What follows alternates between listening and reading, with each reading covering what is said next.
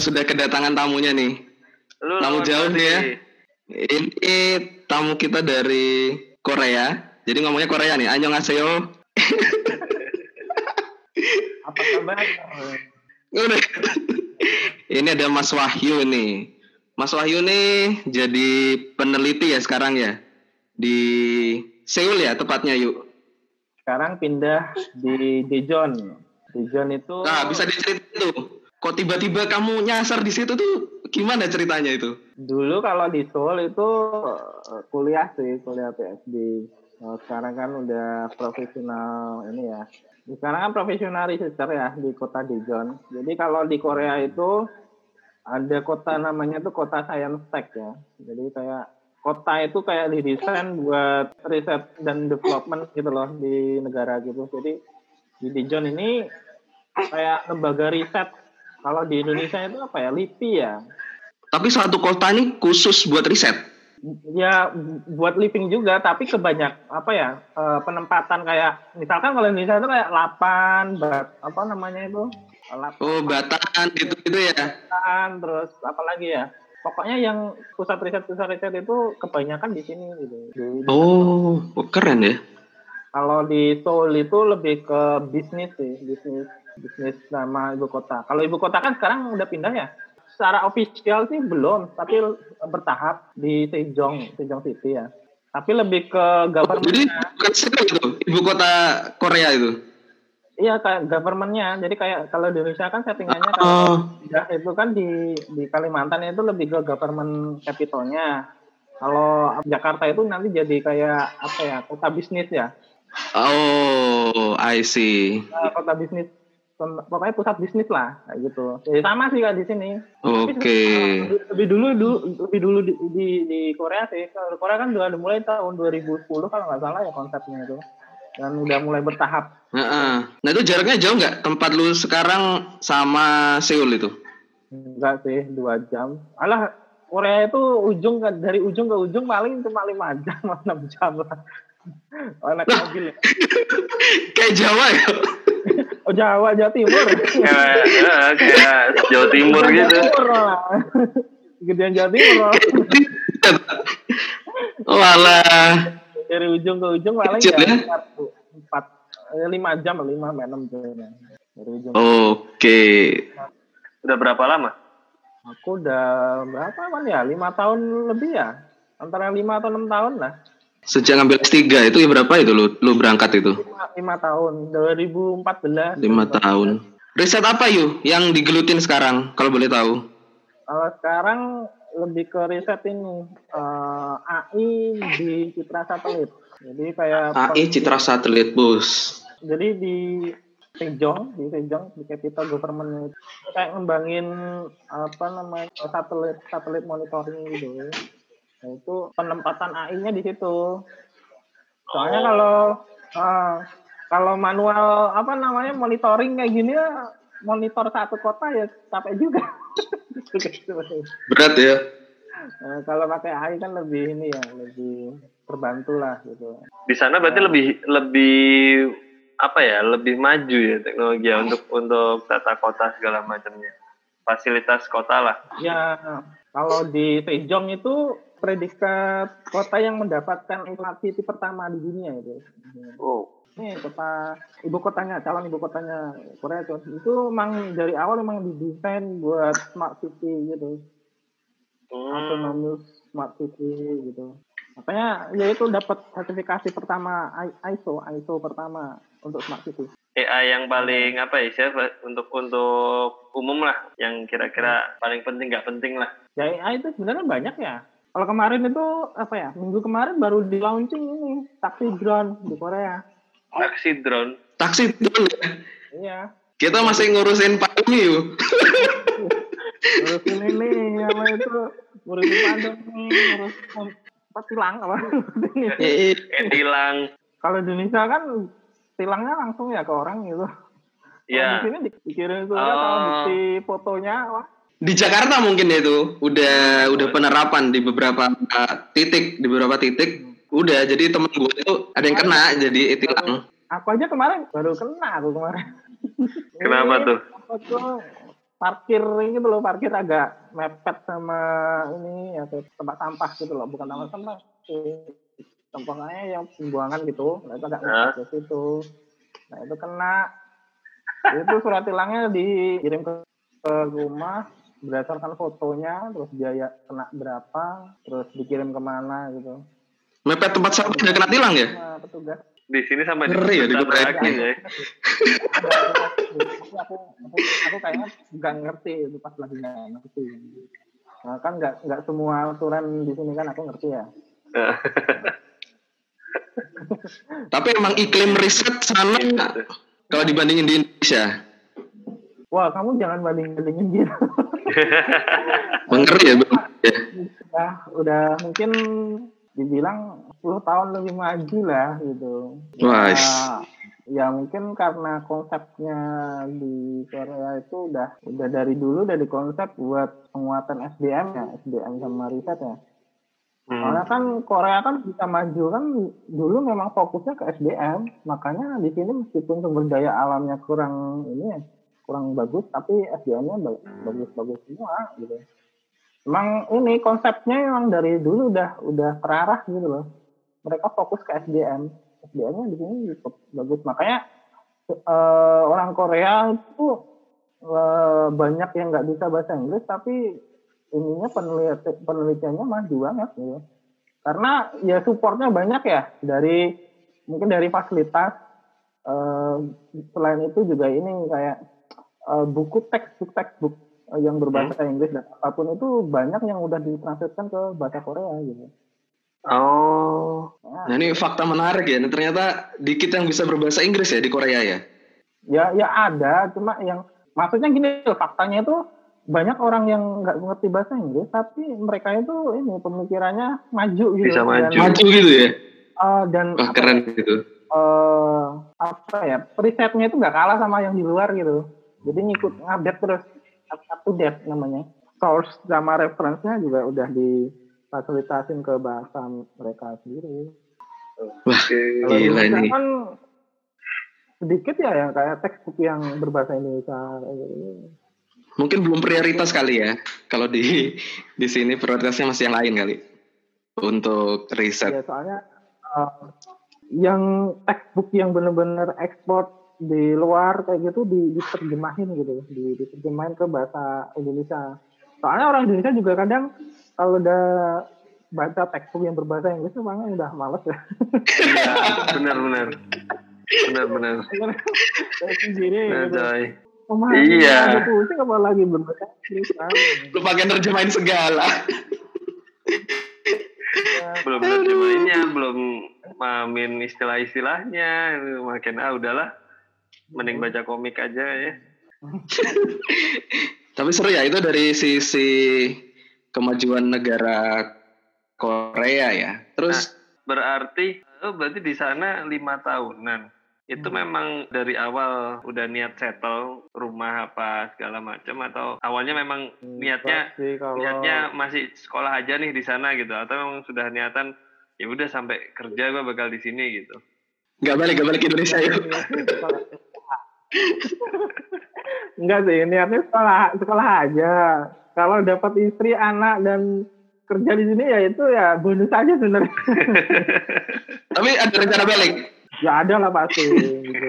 Soalnya kan ya tidaknya ngumpulin modal dulu deh gitu. Soalnya kalau soalnya kalau balik kan nggak mau ke Jakarta, males ya. Jakarta. Daripada di Jakarta mending di sini nih aku. Iyalah. Pulang ke kampung aja lah ya. Enggak ke kampung maksudnya yang tengah-tengah lah gitu. Kamu Eh, Jakarta udah terlalu makanya. Iya, sum sumpah Pak. Jakarta udah aduh udah sesek lah. Kayak Bandung kali ya. Bandung aja juga macet ya sekarang. Sama. Iya. Macet mana-mana macet. Kapan terakhir Kalau balik di Seoul Indonesia? itu sebenarnya kemarin mau pulang pandemi masalah, pandemi kan. Karena di sini udah wajib karantina. Jadi karantina dua minggu. Nah karantina di sini benar-benar dimonitoring. GPS harus dinyalain kan. Jadi kita pas di sini di bandara itu udah dicatat nih nomor kita, tujuan kita, rumah kita semua di situ. Terus nomor HP kita nggak boleh mati. Kalau mati nanti dicariin, ditelepon. GPS kita mati, di- dicariin telepon. Gitu. Jadi kalau kita keluar rumah selama karantina itu ketahuan. Itu satu-satu bener di, dicariin itu. Dicariin. Dicariin. Wah. Dicari. Ketahuan. Udah beberapa ini kok yang kena orang Indonesia. Karena dia mati Ini ngomongin- gitu. Kebanyakan eh, kebanyakan TKI sih. Dan Soalnya mereka kurang kurang ngerti ya. Gitu. Dan kayak cuek aja sih kebiasaan di Indonesia Hmm. mungkin ya. Jadi ah, ya udahlah. Iya. Masih di bawah. Mm-mm. Mungkin padahal karena dipantau. Tapi kecil ya. Jadi mungkin karena kecil. Istilahnya kayak satu ngurus satu provinsi gitu loh mungkin. Jadi kayak apa ya? hmm, Lebih bisa termonitoring dengan jelas gitu. Di Indonesia tracernya di sini pak tracernya bag- bagus sih di sini tracernya bagus jadi tracingnya itu eh, mereka udah ini jadi kalau di di di di, di HP setiap HP itu ini udah udah terintegrasi sama sistem di Korea. Jadi kalau real time kalau ada kasus gitu langsung ngasih notifikasi. Notifikasinya bukan SMS kayak notifikasi yang ke embed ke ini ke HP itu. Jadi pas ada notifikasi, semua sistem itu mati. Jadi notifikasinya itu kayak eh, ngasih tahu kita gitu. Di sini ada case di sini, silakan cek di sini gitu. Wow. Ya. Tapi kamu install aplikasi nggak itu, Yu? Enggak, semua udah semua HP Korea ada. gitu. Wow. Jadi kayak nge, bukan Gila ya. Kalau di Indonesia paling berarti SMS ya? Iya. Iya, jadi kan install aplikasi kayak gitulah. Enggak di sini enggak. Jadi kayak udah apa namanya udah langsung ke embed di sini. Jadi kalau ada apa-apa itu langsung kita ini apa tuh dapat dapat notifikasi. Notifikasi Oke. Keren bersebar. juga. Heeh. Makanya dan itu nggak bisa di silent itu. Nggak bisa diakalin diapain itu. Nggak bisa. Soalnya itu kan wajib ya gitu. Iya, iya, iya.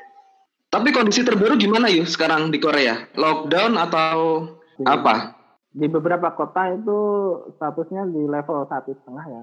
Satu setengah itu dalam arti ini apa itu tetap aktivitas biasa tapi eh, physical distance-nya itu dibatasin gitu. Maksudnya berkerumpul itu maksimal berapa orang, ini berapa orang gitu. Terus PSBB kali ya? iya PSBB gitu. Tapi Nah, itu kan ngawasinya gimana di sana? gitu. Ngawasin kerumunan nggak? Nggak. Nggak ada. Ada yang la- apa namanya? Ada yang lapor, ada yang ini sama sih kayak yang biasanya. Hebat, Jay. Beda sama Indonesia, Jay. Indonesia mesti ya. disemprot air dulu ya. Oh, berarti kondisi terbaru PSBB lah ya bah- bahasanya di kita ya, Di, di, di beberapa kota sih, di beberapa kota. di beberapa kota. Cuma sekarang wajib pakai masker, kalau enggak kena denda di, di, di luar di tempat umum kalau kena kena denda sekitar berapa ya kalau dirupain sekitar satu juta dua ratus lah. Sejuta dua ratus ya? Ya, ketahuan nggak pakai masker ya. Itu oke. Per orang loh ya, per, per orang loh ya. Kalau apa namanya manajer restoran apa apa gitu, yang penanggung jawab kayak gitu kena denda sekitar 40 juta lah, 40 juta, 50 lah. Di Jakarta di dasar Gila ya. ribu aja protes ya orang-orang. Ya, gitu Ya. mau nggak mau. Tapi itu polisi ya, yuk? Pihaknya siapa ya? Perasaan lu kurang tahu sih, Pak. Paling polisi ya. Aku nggak pernah denger ya Satpol PP. Jangan-jangan ada satu Nggak ada deh kayaknya. Polisi kayaknya. Tapi nggak tahu sih. Soalnya belum pernah aku keluar kan. Jarang keluar juga. Nggak mau nyoba Tuh, juga. kan? kamu WFA? Apa? Aku? Nggak ke kantor. Nah. Kantor rumah aku kan deket ya. 15 menit lah. Wah, Rumah aman lah itu. Ada gitu. Iya. Ya nih kondisinya masih kayak gini. Iya. Keluar ke Indomaret aja mikir-mikir. Indonesia gimana tuh? Lu masih mikir-mikir. Itu Di sini nggak ada yang- makin nggak ada yang mikir jadi di, di tempat gua. Kayak udah. kayak nggak terjadi apa-apa sih. Iya kayak biasa aja. Maksudnya orang pakai masker juga sekarang udah mulai lebih jarang di tempat gua udah udah mulai banyak yang ya udah keluar biasa. Paling ini ya, udah mulai jengah ya kayaknya. Udah terlalu lama. Iya, udah capek lah ya. udah capek lah ya gitu terus gimana lagi sih yang musibah ya gitu Iya. di sisi lain orang juga Iya. mau cari makan juga Nah, banyak yang apa namanya? Mati, karena virus mati. Iya. Jadi ya udah Iya. Kalau kena Ya kan udah Iya. kerja. tetap kerja. Nah, ini juga kalau apa karantina itu di, dikasih apa tuh dikasih sembako dikasih makanan gitu juga kok Hmm. gitu. jadi kayak nggak nggak Bantuan tepat sasaran ya? iya tepat sasaran soalnya yang dibantu yang karantina aja rumahnya kan jelas gitu loh orang tinggal di mana ini tinggal di mana itu jelas jadi kayak apa itu- pendataannya itu pendataannya bagus kalau di Indonesia kan orangnya orang mana tinggal di mana kan kadang nggak tahu Iya. KTP di mana? Benar. Lu lu udah ganti KTP belum? Nah, Udah gue warga Depok sekarang. Eh, Aduh, jadi orang Depok deh. Nah, eh kalau istri orang mana? Dapat di sana apa? Oh, Indonesia. Kirain. Dapat itu ya Eh, model-model Korea gitu. Udah lama di sana. Tapi berarti status kalau gitu, biasanya kan kalau kayak gitu ada yang memang status tinggal eh, tetap atau ke hanya kerja atau apa sih biasanya kayak gitu-gitu? Kalau kita tinggal di luar negeri gitu loh, mahasiswa, atau sekolah, sekolah atau gimana? kalau status oh, visa ya visa sih expat Ah. sih Eh, Udah tetap berarti. uh, profesional expat ya. Jadi kayak ya bekerja. Cuma nanti kan uh, setelah setahun, aku kan belum ada setahun ya udah kerja itu. Setelah tahun atau dua tahun kita bisa ini ngajuin kayak uh, special visa gitu, kayak permanent residence. Jadi Nah, kita uh, permanent residence nanti bisa, jadi tergantung poin ya. Jadi dihitung poinnya kalau poinnya memenuhi kita bisa ngajuin permanent residence. Itu bisa punya hak yang mirip-mirip sama orang Korea lah. Gitu. Jadi bisa tinggal di sini, bisa buka bisnis di sini, bisa beli properti gitu bisa. Gitu. oh, kalau poin-poinnya itu Tergantung dihitung dari mana? Poin-poinnya banyak hal kayak apa namanya eh, lulusan mana, terus eh, dari ini pendapatan per bulan per tahunnya berapa, usia, Oh, bahasa Korea, terus kalau punya prestasi yang membawa nama Korea itu juga ditambah lagi poinnya. nambah lagi. Makin banyak poin makin bagus. Oh, ada sistem itu ya? Iya, karena banyak kok yang ngejar-ngejar kayak orang Pakistan, Oh. orang Cina, orang Mongol itu banyak. Soalnya Biar jadi permanen Oh ya. residen ya. Iya, di Korea kan ini ya termasuk kota teraman di dunia gitu di di di, di Seoul itu termasuk kota teraman di dunia. Jadi tingkat kriminalnya itu kecil. Kalau kamu naruh sepedanya di luar ya nggak ada yang nggak ada yang nolong juga. Pikir mereka ngapain gue nyolong sepeda? Jauh, jauh. Om di tempat parkiran umum itu parkiran umum sepeda itu banyak orang yang naruh sepeda itu nggak diambil-ambil gitu. itu kalau orang Indonesia udah mikirnya lain itu. Oh, udah, ini bannya doang. banyak yang kayak gitu orang kadang nggak mau ngambil mungkin karena udah bosan males ngejual atau males buang juga kan nggak diambil Tapi aduh itu Oke. panjang sih perjalanan kalau itu mau di ini di Indonesia mas. Ya prosesnya lama lah kita ya. menjadi seperti Korea itu. uh, prosesnya lama. Mungkin ini sih apa ya uh, kemarin tuh ada webinar juga ya webinar juga itu. Uh, kalau negara demokrasi itu agak agak susah untuk bisa berkembang gitu kecuali sebelumnya udah disiapkan secara settle gitu. Dari dari ini dari apa namanya pemerintah yang cukup keras gitu kalau Korea kan dulu kan otoriter juga Korea Oh, itu orang Korea itu dulu otoriter, tapi semua udah disiapkan berdasarkan recordnya. Kalau udah siap baru masuk ke demokrasi. Iya, kalau dem- kalau demokrasi mau bikin ini ntar lawan politiknya nyerang, jalan-jalan. Unsur kepentingannya tinggi kalau demokrasi. Iya. Dulu tahun berapa? Tahun 90-an, tahun 80 90-an itu yang di Seoul di sungai Chonggecheon, eh, sungai-sungai Korea itu kayak di Jakarta sama yang di pinggiran sungai gitu rumah-rumahnya. Kayak Ciliwung gitu ya? Iya, yang Ciliwung gitu sama. Ya, semua udah dikonsep dari lama sih dari apa tata tata letak kotanya gitu. Dan nanti Wah gila ya Korea. berarti harus Keren lah. apa ya? Emang harus disiplinin itu sih aturan-aturannya itu ya kan. Mm-mm. Ya, di Nggak bisa pakai aturan karet.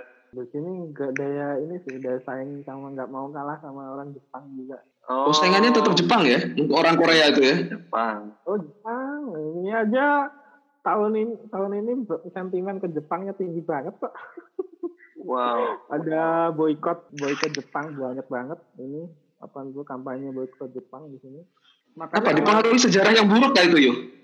Pertama dulu punya sejarah yang buruk, yang kedua sekarang eh, lag- hubungan politik demo, apa diplomasinya lagi agak memanas. gitu. Hmm. Makanya aku kemarin ke Jepang itu berapa ya dapat tiket itu? Berapa? Mahal ya? Juta rupiah lah PP. juta rupiah kalau di rupiah ya, PP itu udah. Ya murah ya Pak hitungannya itu. Ya murah lah, juta juta rupiah loh. Gitu, Gila ya. Ya, itu pas lagi sentimen- sentimennya pas lagi tinggi tinggi banget dulu. Makanya itu ya itu daya saing sama Jepang itu tinggi. Soalnya di sini juga produk lokal itu di apa tuh dioptimalkan gitu loh. Kayak mobil nasional kan Oh. banyak tuh di sini nggak cuma satu, ada banyak mobil nasional. Bangsa Hyundai itu ada banyak ya berarti? Ya Hyundai, Kia, terus Dewo banyak di sini mobil nasional. Itu aja udah sampai Indonesia itu. Gedein Jarang lihat produk mobil- lokalnya sendiri di sana. Iya, ini murah. Mau beli mobil murah, kok beli mobil aja murah kok. Oh, iya. Ini Nyampe berapa yuk? 20 juta kalau nggak salah ya. Baru itu. Ya enggak lah second hand. Oh, iya, Tahun 2010. Ya lumayan sih. 2010. 20 juta men. 20 juta masih masih masih tinggi ya. Chevrolet aku dulu Ini, beli Chevrolet putih gitu. Tapi ini ya asuransi, Mantap ya. asuransinya mahal di sini. Nah, Ah. Asuransinya mahal. Di sini eh, kalau punya mobil kan wajib pakai asuransi. nah, Mm-mm. wajib. Jadi ka- ketika kita balik nama itu harus punya asuransi dulu malah. Kalau nggak nggak ada asuransi nggak bisa balik nama mobil. oh, Nah itu dihitung berdasarkan apa jam terbang setirnya, terus tipe mobilnya itu hitung. Aku aja kemarin setahun itu 10 juta rupiah lah, 10 juta rupiah itu setahun asuransi doang itu mobil. Itu paling murah loh itu. setahun sepuluh. itu paling murah ya. Itu Paling murah. ya. Itu Set. paling murah sih. Yang paling murah. Tapi juga ini kalau asuransi du, asu- asuransi itu servisnya enak di sini. Jadi kalau nggak perlu ribet itu loh. Kayak kemarin itu kan mobilku ditabrak ya, parkir mobilku ditabrak. Terus Hmm. tinggal telepon pihak asuransinya malam-malam jemput mobilku. Dibawa besok paginya jadi. Oh iya. Kalau Keren ya. Heeh, udah jadi, udah, udah udah diganti semua, baru gitu. Tinggal terima bersih aja. Itu pun kalau misalkan nggak jadi dalam waktu besok nggak jadi itu kita dikasih fasilitas mobil pinjaman rental gitu. Oh, Mobil mobil yang sama enggak ya? Nggak tahu Gila. mobil mobil rental, di rentalin mereka gitu. Oh, selama diperbaikin itu, Set, itu keren coy. Gak ada asuransi Ya, di gitu. sini bisa ngasih gitu. Ya, kadang dilempar-lempar ya. Lempar-lempar, nunggunya dua minggu baru dikerjain.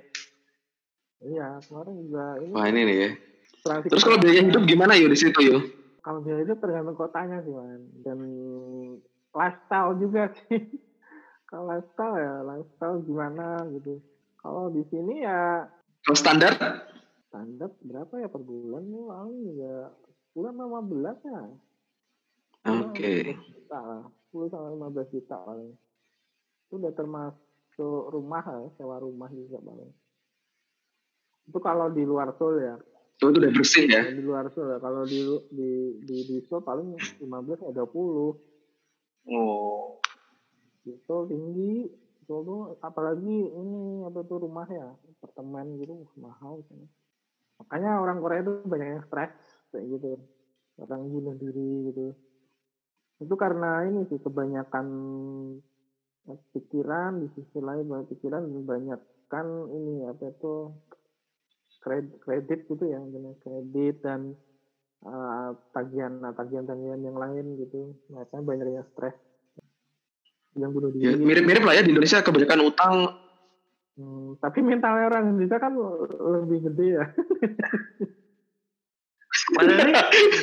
padahal uh, padahal di sini public space-nya banyak loh kan daripada di ini di Indonesia ya public space-nya banyak di sini Atau karena tingkat ininya, kesibukannya mungkin.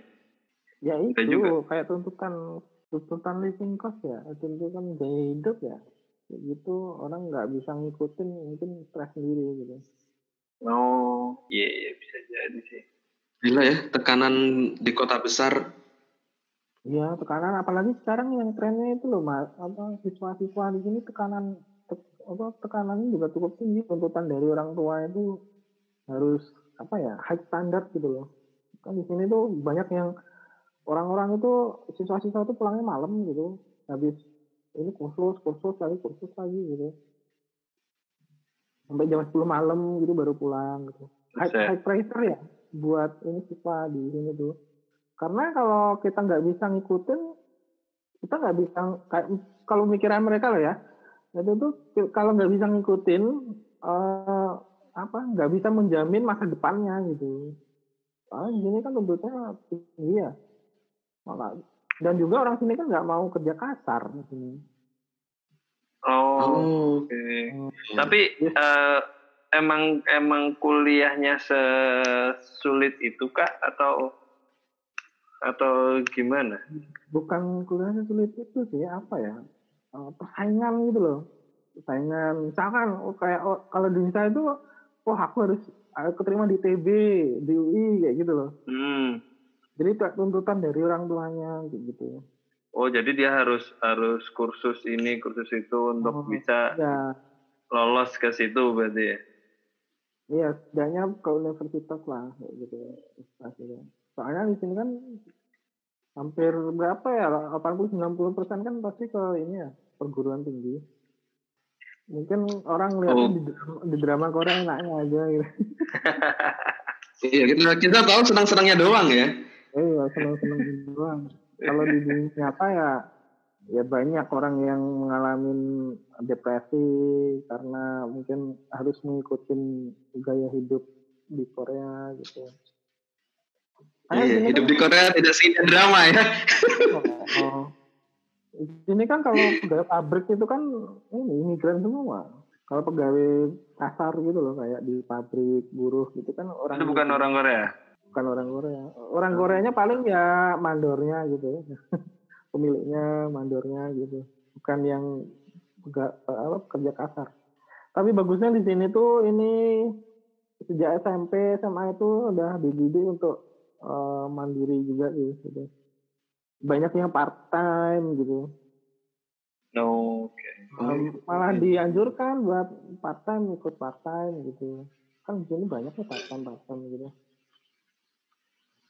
soalnya yang kayak ini loh kalau menjaga toko pelayan restoran itu kan rata-rata part time ya soalnya kan kerja kerjanya kan paling eh, berdasarkan waktu per jamnya gitu nggak ada yang full time kalau full time rugi kalau di Indonesia kan pada full time karena pada banyak yang butuh pekerjaan tetap juga.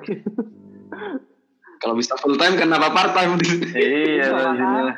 makanya ada gak mau. Lumayan sih sih makanya juga. Keras ya hidup di sana ya. Apalagi pandemi kali ya juga berdampak mungkin.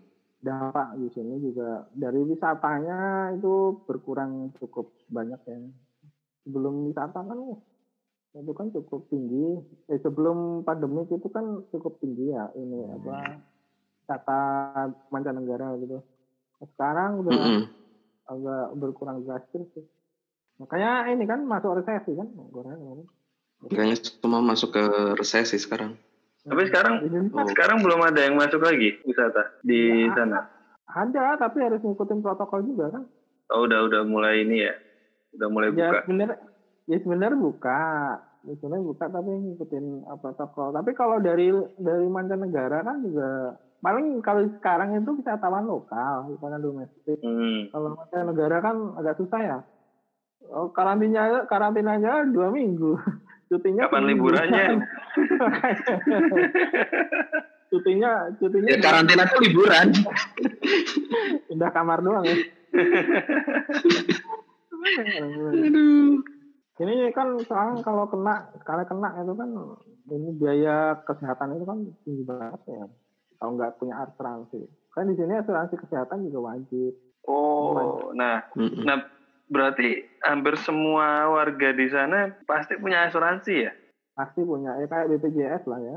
Tapi di sini wajib ya. Soalnya Tapi anu, swasta, maksudnya swasta banyak macamnya gitu atau emang dari dari pemerintahnya? Pemerintah. ada pemerintah, ada yang swasta. Pokoknya tapi wajib ada asuransi. Gitu. Karena fasilitas-fasilitas juga semuanya mewajibkan asuransi ya.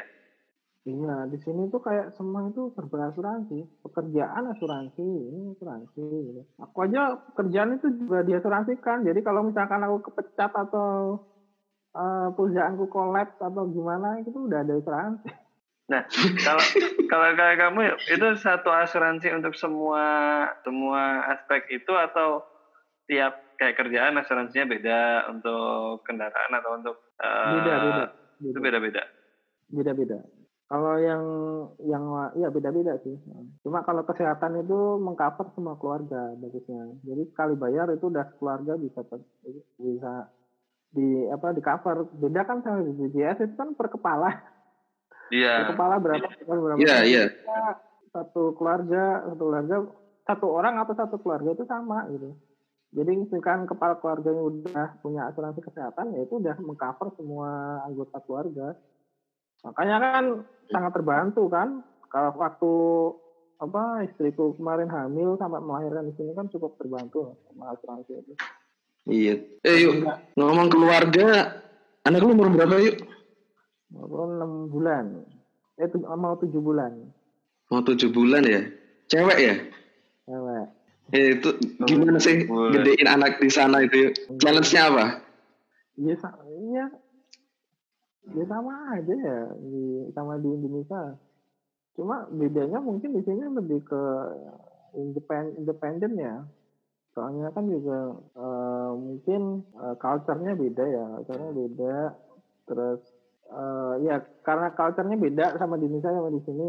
Di sini kan lebih ke independen. Cuma kalau dari pa- apa ya dari pemantauan pemantauan perkembangan anak gitu mungkin ini fasilitasnya cukup cukup cukup memadai ya dari apa tuh eh, imunisasi dari perkembangan dari waktu jadi janin sampai melahirkan itu semua terpantau ya gitu ya susahnya ya mungkin gak ada yang bantu Gak ada orang tua gitu.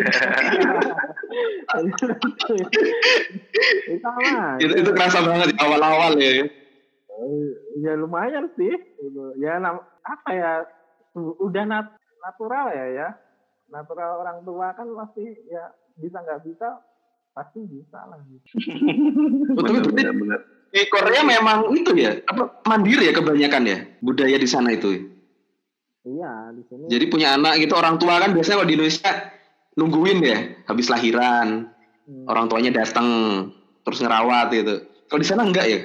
kurang tahu kurang tahu sih ya dari culture-nya di sini kayak gimana tapi kalau kayaknya enggak kayaknya biasa Hmm. biasa aja orang yang mau anak soalnya di sini juga Ya tren, berarti tapi di sini juga tren nggak nggak mau nikah banyak sih ini Oh tren nah enggak? itu. Eh, itu. Oh, anak anak anak milenial di sini malah tren nggak nggak nikah kalau ceweknya Oke oke oke.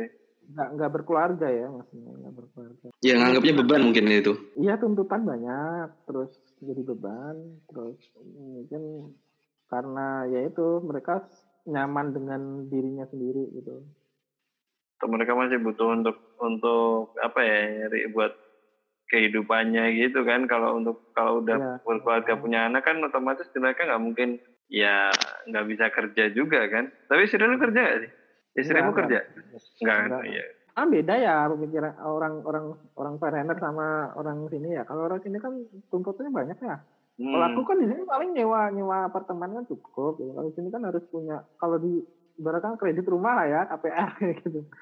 Nah, KPR kan mahal ini rumah tuh. terus biaya mau nikah itu juga mahal terus apalagi ntar punya anak gitu. Kalau mungkin orang yang berkecukupan dan cukup mapan sih nggak nggak masalah. Tapi ada beberapa orang yang memang pemikirannya nggak nggak mau nikah itu gara-gara ya nyaman dengan dirinya sendiri gitu. Aku pernah cerita temanku juga temanku tuh cewek juga gitu. Dia nggak mau nikah karena mikirannya aku nanti bisa hidup sendiri ngapain harus sama orang lain gitu.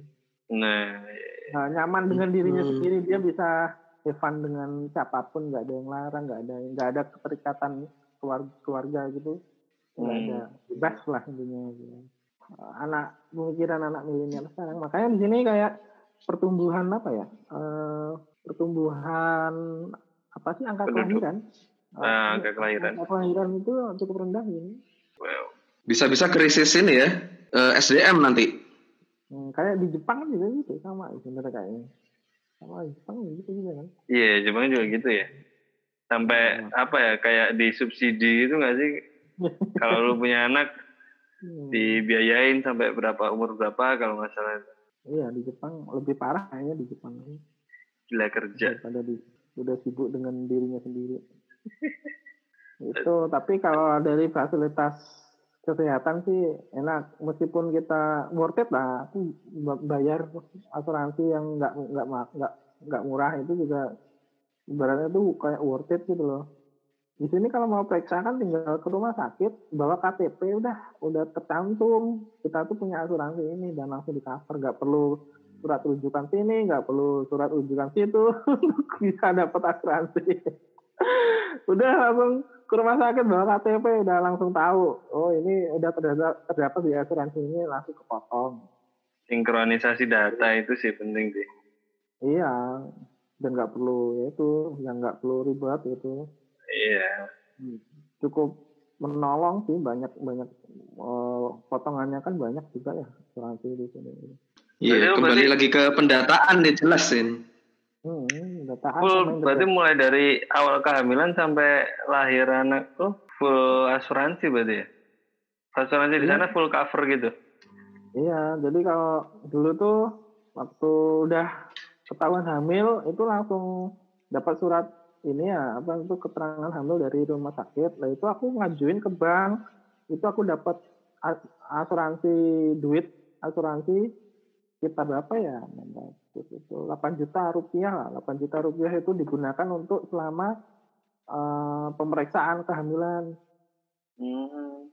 Nah, 8 juta rupiah itu bisa digunakan selama kehamilan pemeriksaan lah. Pokoknya keperluan keperluan ibunya gitu. Keperluan ibunya buat eh, apa apa aja gitu.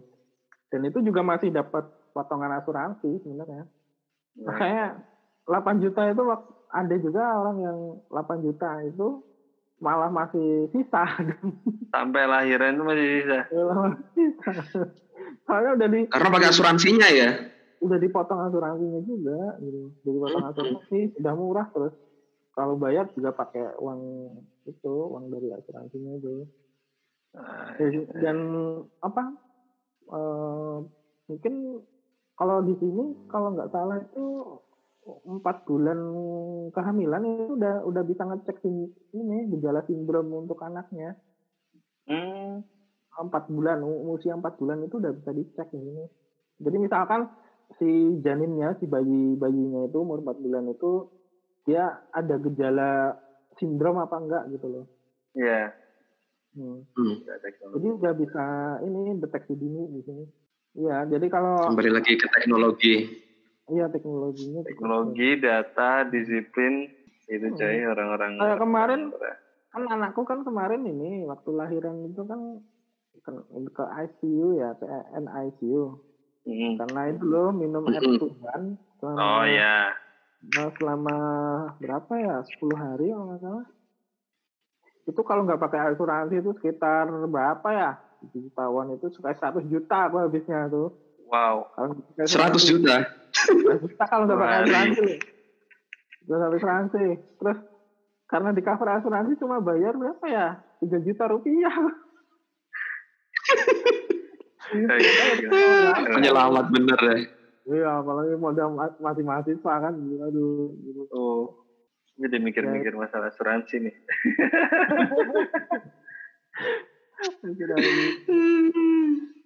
ya Gila nih dari Wahyu informasinya banyak banget nih. Eh, Berarti eh, rencana lanjut terus kerja di sana, stay masih masih di sana atau enggak sih paling ada target? eh, kalau target sih nggak ada ya paling sekitar tiga tahun atau empat tahun lagi paling gitu. Atau Tiga mungkin tahun. ada goal, oke aku bakal pulang ke Indonesia kalau masuk ke bidang apa gitu misal. enggak sih kalau udah Enggak. cukup modal sudah rumah lah gitu. biar Rumah nggak di ini Indonesia loh. apa rumah di sana? di Indonesia lah di Indonesia biar nggak ini apa itu ini apa itu kreditan tuh nggak terlalu banyak lah gitu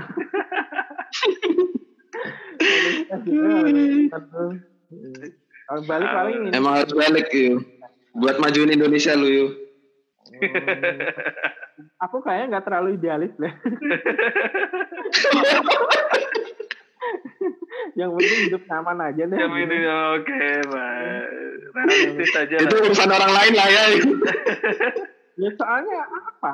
Aku tahu idealis malah capek dengan diriku sendiri gitu. Kalau ngeliat kondisi ya, kondisi sekarang gitu. Apa ya? Misalkan kayak ya bener sih kayak ini ya, kayak eh, Ricky Alson gitu ya. Ricky Alson kalau orangnya idealis malah capek sendiri kan sama dengan terikat sama ini, terikat sama negara gitu kan. Iya. Ya Iya. dia membuat membuat dunia yang nyaman dengan dirinya sendiri aja nyiptain riset riset terus KP di daerah kepentil kayak gitu ya kan nah, Iya, ke- malah kecewa ya, benar. kecewa kecewa gitu capek dengan ya itu semua lah gitu semua hal gitu karena kalau aku sih belum terlalu idealis ya untuk sampai kayak gitu Iya. Yang penting hidup enak dulu lah ya, nyaman. iya udah udah nyaman ya, ya, gitu. Udah lah gitu. Asli mana sih Asli mana? Asli, asli Magetan. Magetan. Istri? Magetan tahu pak? Enggak tahu kali. Aku yang pernah dengar Magetan, cuman kayaknya belum pernah ke sana.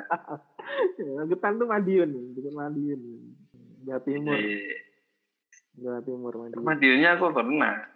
Magetannya Iya. sih nggak pernah ngelewat tok berarti. Ya lewat. lewat. Istri juga dari situ. Istri Pati.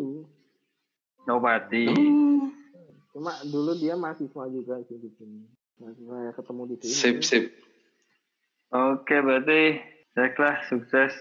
Rencana eh, belum tahu di nanti bakal ke Indonesia ngapain?